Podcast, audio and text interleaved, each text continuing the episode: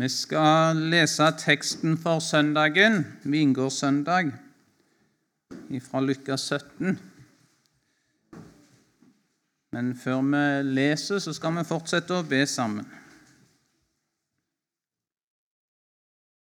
Ja, gode Far, du ser vi er samla for å høre ditt ord. Og så ber vi om din gode Hellige Ånd til å åpenbare ordet for våre hjerter. Og måtte du gi oss forstand, så vi kunne forstå ditt ord, Herre, tro det, og gi oss nåde til å ta imot det, Herre. Og du signe stunder. Amen.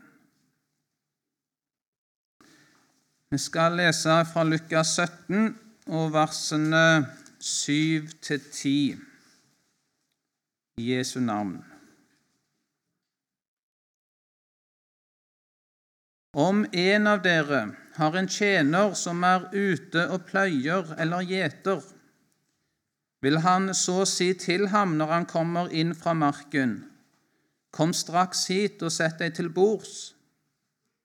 Vil han ikke heller si til ham, Gjør i stand kveldsmat for meg, bind opp om deg og vær min oppvarter mens jeg eter og drikker, og så kan du selv ete og drikke. Takker han så tjeneren fordi han gjorde det som var ham pålagt? Det tror jeg ikke. Slik skal også dere, når dere har gjort alt det som er pålagt dere, si:" Vi er unyttige tjenere. Vi har bare gjort det vi var skyldige å gjøre.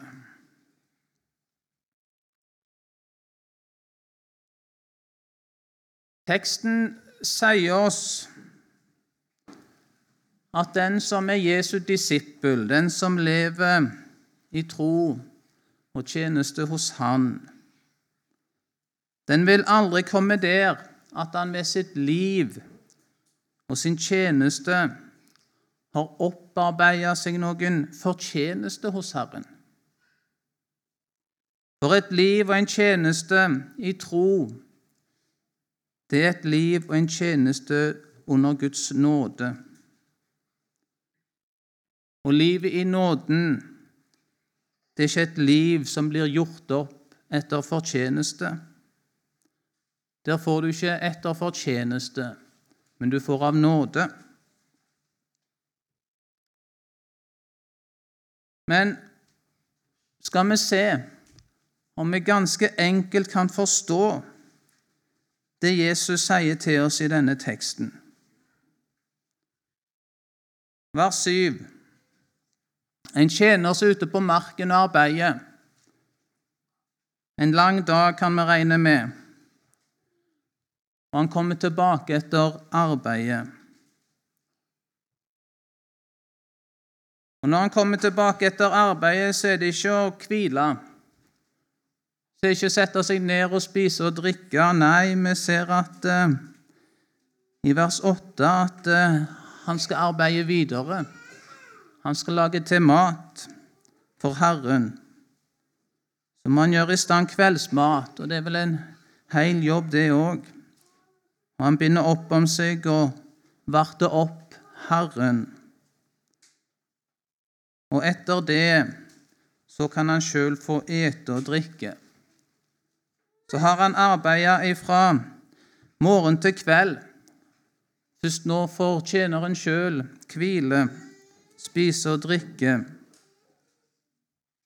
Takke denne Herre nå sin tjener? spør Jesus. Nei, det tror jeg ikke. For tjeneren har ikke gjort annet enn det som var han pålagt. Tjeneren har etter en lang dag fra tidlig morgen til sein kveld Han har ikke opparbeidet seg noe som gir han noe krav, noen rett noen posisjon til å kreve noe av sin herre. Han har gjort det som var å forvente. Og så sier Jesus i vers 10, anvendende på sine disipler, slik skal også dere. Slik skal også dere. Anvende dette på forholdet mellom seg og sine disipler, den som har Jesus som sin herre. Og så forstår vi det er noe som er pålagt den troende.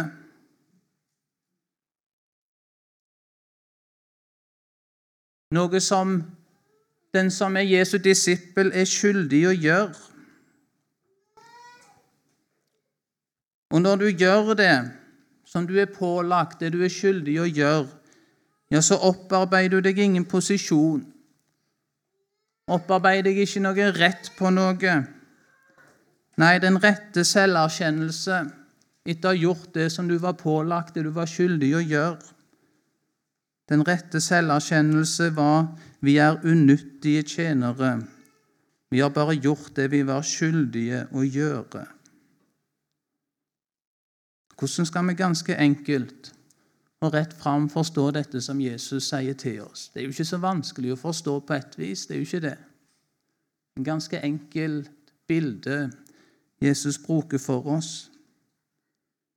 Vi forstår jo ganske enkelt at det er et liv med arbeid fra morgen til kveld. Det var ikke så vanskelig å forstå. Det var ikke så mye fritid inni her. Vi forstår det er et liv hvor jeg ikke er min egen herre. Jeg er underlagt en, en annen herres vilje. Og vi forstår jo at et liv hvor det er noe som er meg pålagt, noe jeg er skyldig å gjøre. Og så forstår vi at om jeg får leve dette livet i tjenester fra morgen til kveld, ikke min egen herre, men underlagt en annen herres vilje, et liv med å gjøre det som var pålagt meg Ja, for jeg lever dette livet, så er min selverkjennelse Vi er unyttige tjenere, vi har bare gjort det vi var skyldige til å gjøre. Og der slutter teksten. Og så gjør liksom bibelteksten i fortsettelsen et hopp, fortsetter med noe annet. Her slutter det. Hører du det som Jesus sier til oss her? Forstår du det?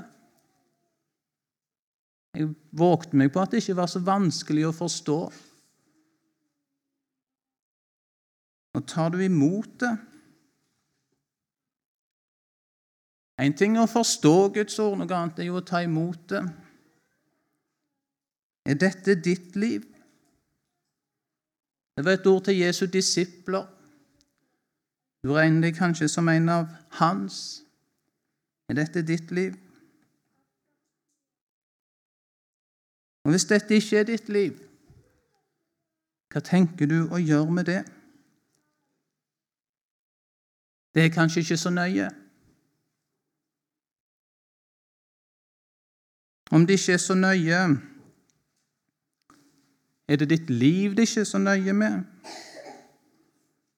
Altså, det er ikke så nøye med om du hører Jesus til eller ikke, om du er hans disippel eller ikke.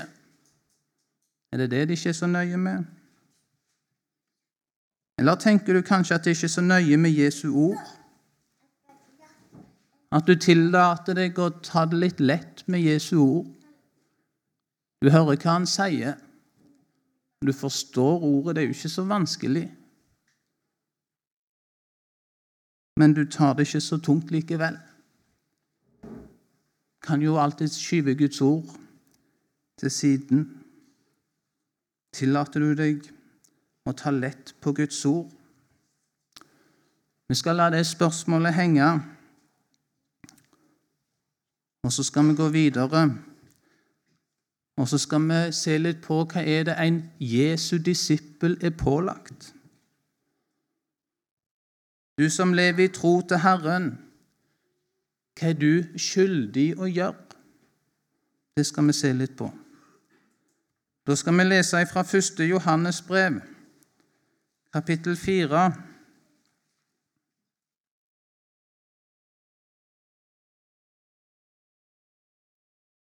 1. Johannes brev kapittel 4, og vi leser vers eh, 10 og 11.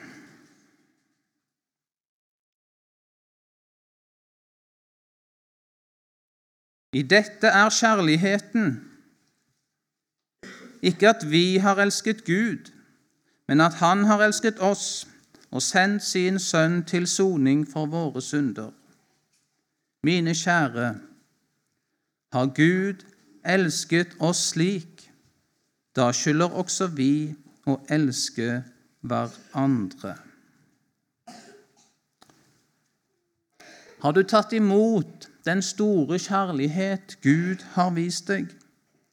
Den er gitt deg i Jesus Kristus, i hans stedfortredende soning for våre synder. Der har Gud åpenbart sin kjærlighet, vist deg sin kjærlighet. Har du tatt imot den? Hva er det kjærligheten vil ha til motytelse? Kjærligheten den vil alltid ha noe tilbake. Hva er det kjærligheten vil ha til motytelse? Jo, først og fremst så vil han jo ha til motytelse det at han blir tatt imot. Altså, Den som elsker noen, den vil jo gjerne at denne kjærligheten skal bli tatt imot hos den andre, ikke bli avvist. Det er det første. Kjærligheten vil ha til motytelse, bli tatt imot, så at en kan få elske. Og det andre kjærligheten vil ha til motytelse, ja, det er jo å bli elska tilbake. Ikke sant? Er ikke det det største vi kan også oppleve på rent menneskelig plan her i livet? Å få elske noen og bli elska tilbake om det er mellom foreldre og barn, om det er mellom søsken, om det er mellom venner, mellom ektefeller. Det er det beste vi kan oppleve på det rent menneskelige plan. Det å få elske, og så blir den kjærligheten tatt imot, og i tillegg blir elska tilbake. Sånn er det òg i vårt forhold til Gud. Han har åpenbart sin kjærlighet i Kristus Jesus til soning for våre synder. Og så ville den kjærligheten så gjerne ha den motytelse at han ble tatt imot, og at han kunne bli elska tilbake. Der er vi skyldige. Der er det pålagt oss noe. At når du får ta imot denne Guds kjærlighet, ja, så skylder vi å få elske tilbake. Det er det på en måte kjærligheten gjør krav på. Å bli tatt imot og bli elska tilbake. Og Jesus sier om dette at 'mitt åk er ganglig, og min byrde er lett'. Er ikke det en god byrde har blitt lagt på seg? Å få leve i kjærlighet og få elske tilbake. Og Dette er livet under nåden. Du har fått alt i Kristus. Han har overøst med sin kjærlighet. Han tok sin, din synd som sin. Han levde i ditt sted. Vi fikk høre det til åpning. I Han har du rettferdigheten. I Han skal du bli metta, overøst med kjærlighet, et liv under Guds nåde. Det er et godt og et salig liv. Du gis alt. Et liv i kjærlighet. Og i dette livet, der er det kjærligheten som driver. Kjærligheten er drivkraften. Å få leve i denne kjærlighetsgjeld, om vi kan kalle det det, å få elske tilbake. Gi tilsvar til den store kjærlighet Jesus har vist meg. Og det forstår jeg. At den kjærlighet jeg skulle få gi tilbake, ja, den vil jo aldri komme opp til, og enda mindre overgå, den kjærlighet Kristus har vist meg. Det forstår jeg. At den kjærlighet jeg skulle få gi tilbake, det er så ørende lite i forhold til den store kjærlighet Kristus har vist meg. Og tanken om belønning At min kjærlighet skulle nå et sånt nivå at plutselig sto Kristus i gjeld til meg om å elske meg tilbake. Ja, det forstår jeg, det er en umulig tanke. Der vil jeg aldri komme at min kjærlighet skulle strekke seg over hans. Og så arbeider en gjerne fra morgen til kveld. Tålmodig, utholdende, i kjærlighet. Og så krever en ikke, for en har jo fått alt, og en har fått så mye mer. Venter ikke på belønning, men en gleder seg over alt en har fått, og den kjærlighet som har blitt en til del. Dette disippellivet er det Jesus sier noe om. Vi står i gjeld. Det er pålagt oss noe. Og det er knyttet til den kjærlighet som er gitt oss i Kristus. Men så sitter det noe her, en tanke like ved vår hjertedør. En tanke som ligger på lur. Og det er at jeg har gjort meg fortjent til belønning. At jeg har noe å kreve for mitt arbeid. Han sitter her like ved hjertedøra, og han vil så gjerne inn.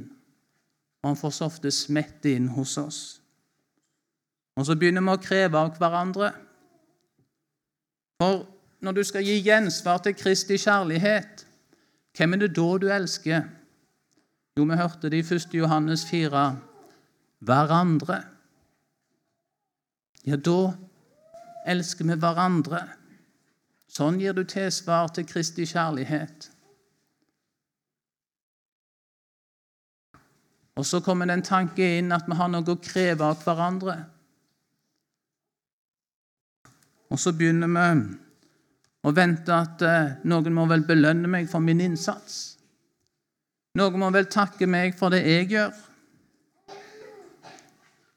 Folk må vel gi meg den oppmerksomhet som, som jeg er verd. Folk må gi meg den ære som jeg syns tilfaller meg. Og så har den tanke fått rom i hjertet at jeg har noe å kreve. Jeg har rett på noe ifra deg. Og det sniker seg inn og kommer inn mellom ektefeller.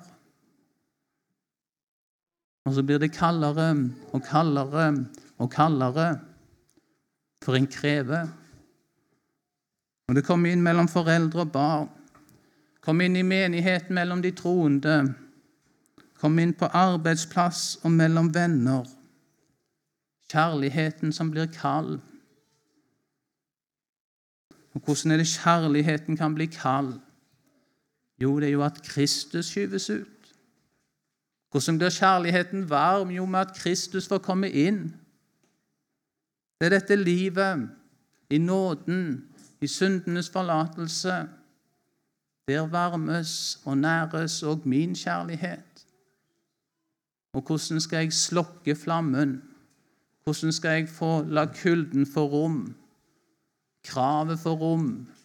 Jo, da skyver jeg Kristus ut. Så mitt hjerte kaldt, så mitt hjerte hardt. Og så har jeg begynt å kreve. Nei, du har ingenting å kreve. Det er et liv i nåde, et liv i kjærlighet så er det noen som alltid skal vrenge Guds ord, så det tjener en sjøl.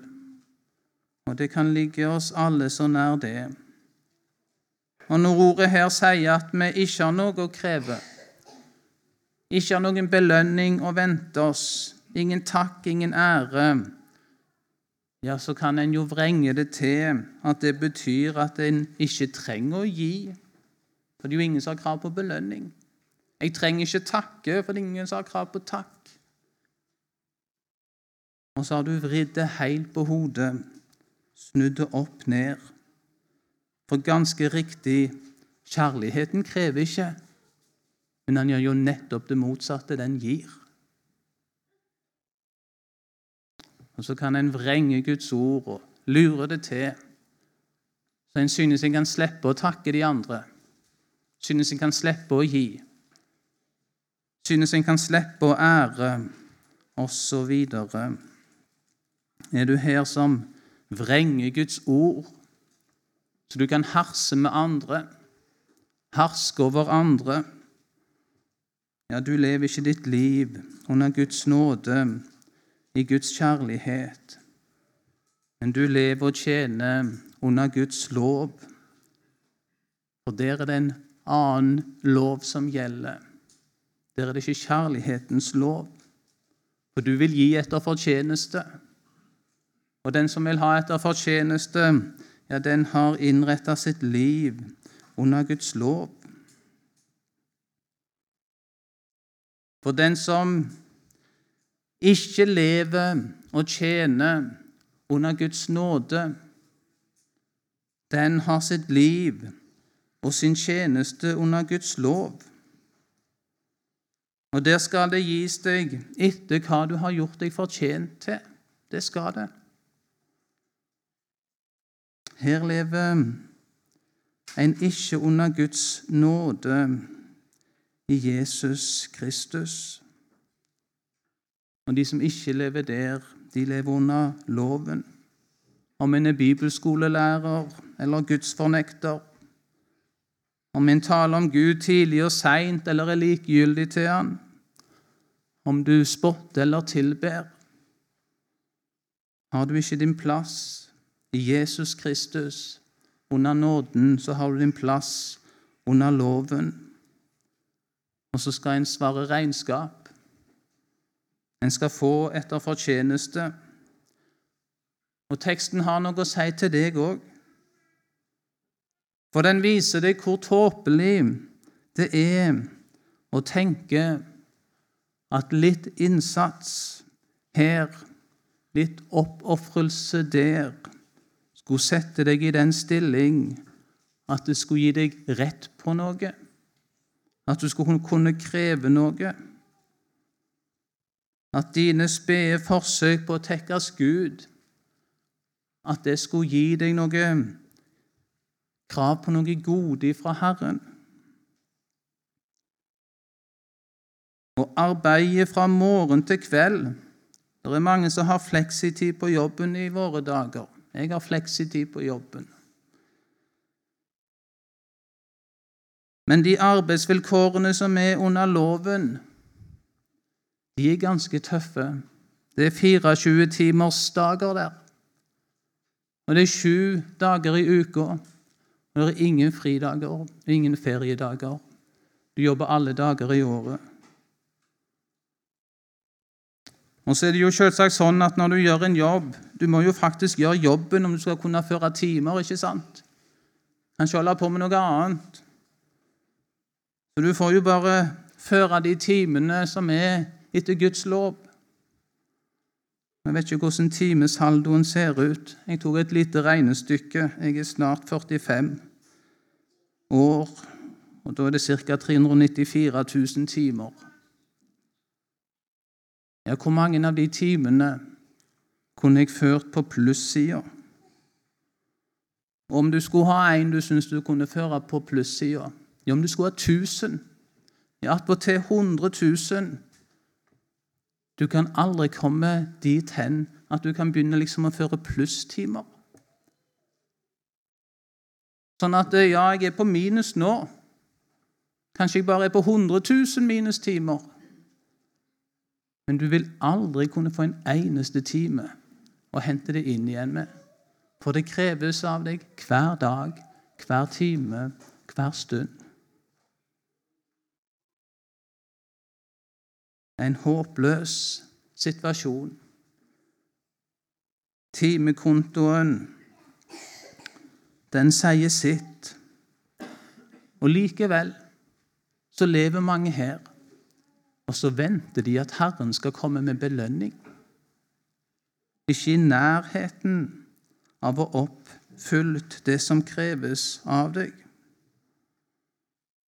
For enhver som lever under loven, skal få etter fortjeneste. Men ikke for noen av dem blir det de til ære. Det blir en vanærens lønn og en evig straff og pine borte fra Guds åsyn. Under nåden eller under loven. Der lever vi, der tjener vi, alle sammen. På et av disse to steder. Til deg som lever under nåden, teksten vår en påminning om at du eier alt av nåde. Og en påminning om hva det er å få leve i Kristi kjærlighet. Med dette kjærlighetens gjensvar til Han. Her er ikke rom for kjødelig sløvhet. Her er ikke rom for å leve selvlivet. Her er ikke rom for å være seg sjøl nok. Nei, du er satt til noe så mye større. Du har et troens liv i Guds kjærlighet i Kristus Jesus. Og så kan vi prøve oss på Paulus sine ord til de troende i Tessaloniki. Om han det, kunne si det samme om oss. I 1. Tessalonikerne 1,3 så minnes han de med disse ord. Stadig minnes vi deres virksomhet i troen, deres arbeid i kjærligheten og deres utholdenhet i håpet til vår Herre Jesus Kristus, for vår Guds og Fars ansikt. Kunne han si det samme om oss? Vil han minnes deg for din virksomhet i troen, ditt arbeid i kjærligheten og din utholdenhet i håpet til din Herre Jesus Kristus. Måtte vi ikke bli sløve. Måtte vi ikke la kjødet få rom. Måtte vi ikke skyve Guds ord på avstand. Og til deg som lever under loven, så er teksten en påminning om hva lovens krav faktisk er, og hva din lønn for ditt arbeid vil bli. Det vil bli deg til vanære og straff, ikke til ære og salighet. Du står i en gjeld du ikke kan gjøre opp. Men så har du en som har oppfylt loven i ditt sted, og som har gjort opp all din skyld vil du ha etter fortjeneste, eller vil du ha etter Guds nåde i Kristus Jesus? Så var det et spørsmål vi lot henge igjen. Tillater du deg å ta lett på Guds ord? Tillater du deg å ta lett på Guds ord? Guds ord det er ganske radikalt. Det går lenger enn vi liker. Det blir ubehagelig hvis vi faktisk stanser ved ordet og hører hva det har å si oss, og prøver oss på ordet. Og så er det alltid en fristelse for oss å ta lett på det. Skyve det til siden. Gå litt fort forbi. Nei, ta ikke lett på Guds ord. Vi skal synge nå straks på 512. Hva skal jeg gi til min frelser? Ja, hva skal du gi til din frelser? Der synger vi refrenget. Jesus, meg selv jeg deg bringer, legger meg ned for din fot, at du meg evig skal eie. Jeg er jo kjøpt med ditt blod.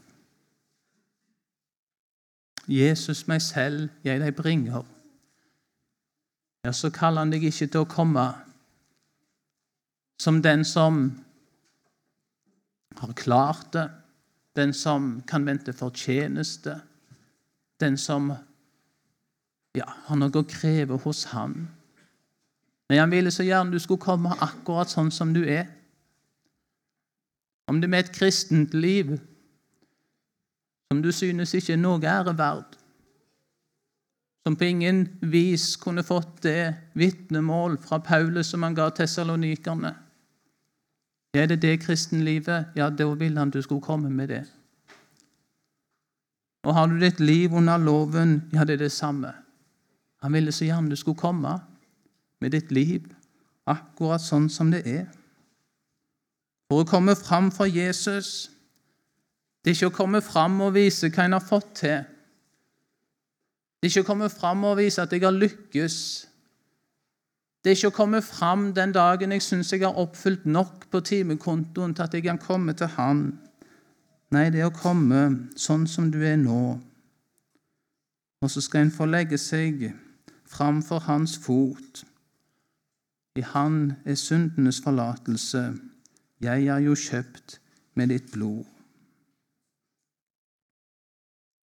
Ja, kjære Jesus, vi takker deg for din store kjærlighet til oss, at du kjøpte oss til Gud med ditt eget blod. Og vi takker for å få liv under nåden. Og vi ber om vekkelse imellom oss. Måtte du vekke både troen og vantro, sånn at vi kunne få leve dette livet i omvendelse til deg, for din fot, i takk og takknemlighet til hva du er for oss, Jesus. Amen.